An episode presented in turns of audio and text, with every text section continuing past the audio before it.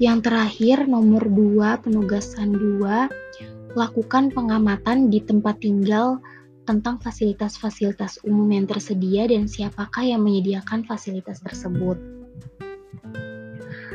Beberapa fasilitas umum yang terdapat di daerah saya dan siapa saja yang menyediakannya berikut yaitu ada jalan raya yang menyediakan adalah pemerintah Tangsel, Tangerang Selatan.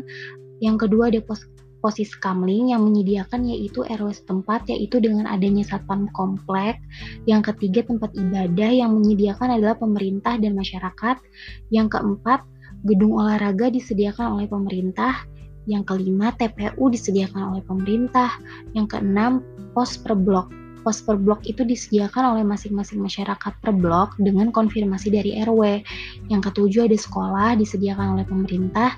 Yang kedelapan ada pemakaman ada pemadam kebakaran yang menyediakan adalah pemerintah dan yang terakhir tempat pembuangan sampah juga disediakan oleh pemerintah.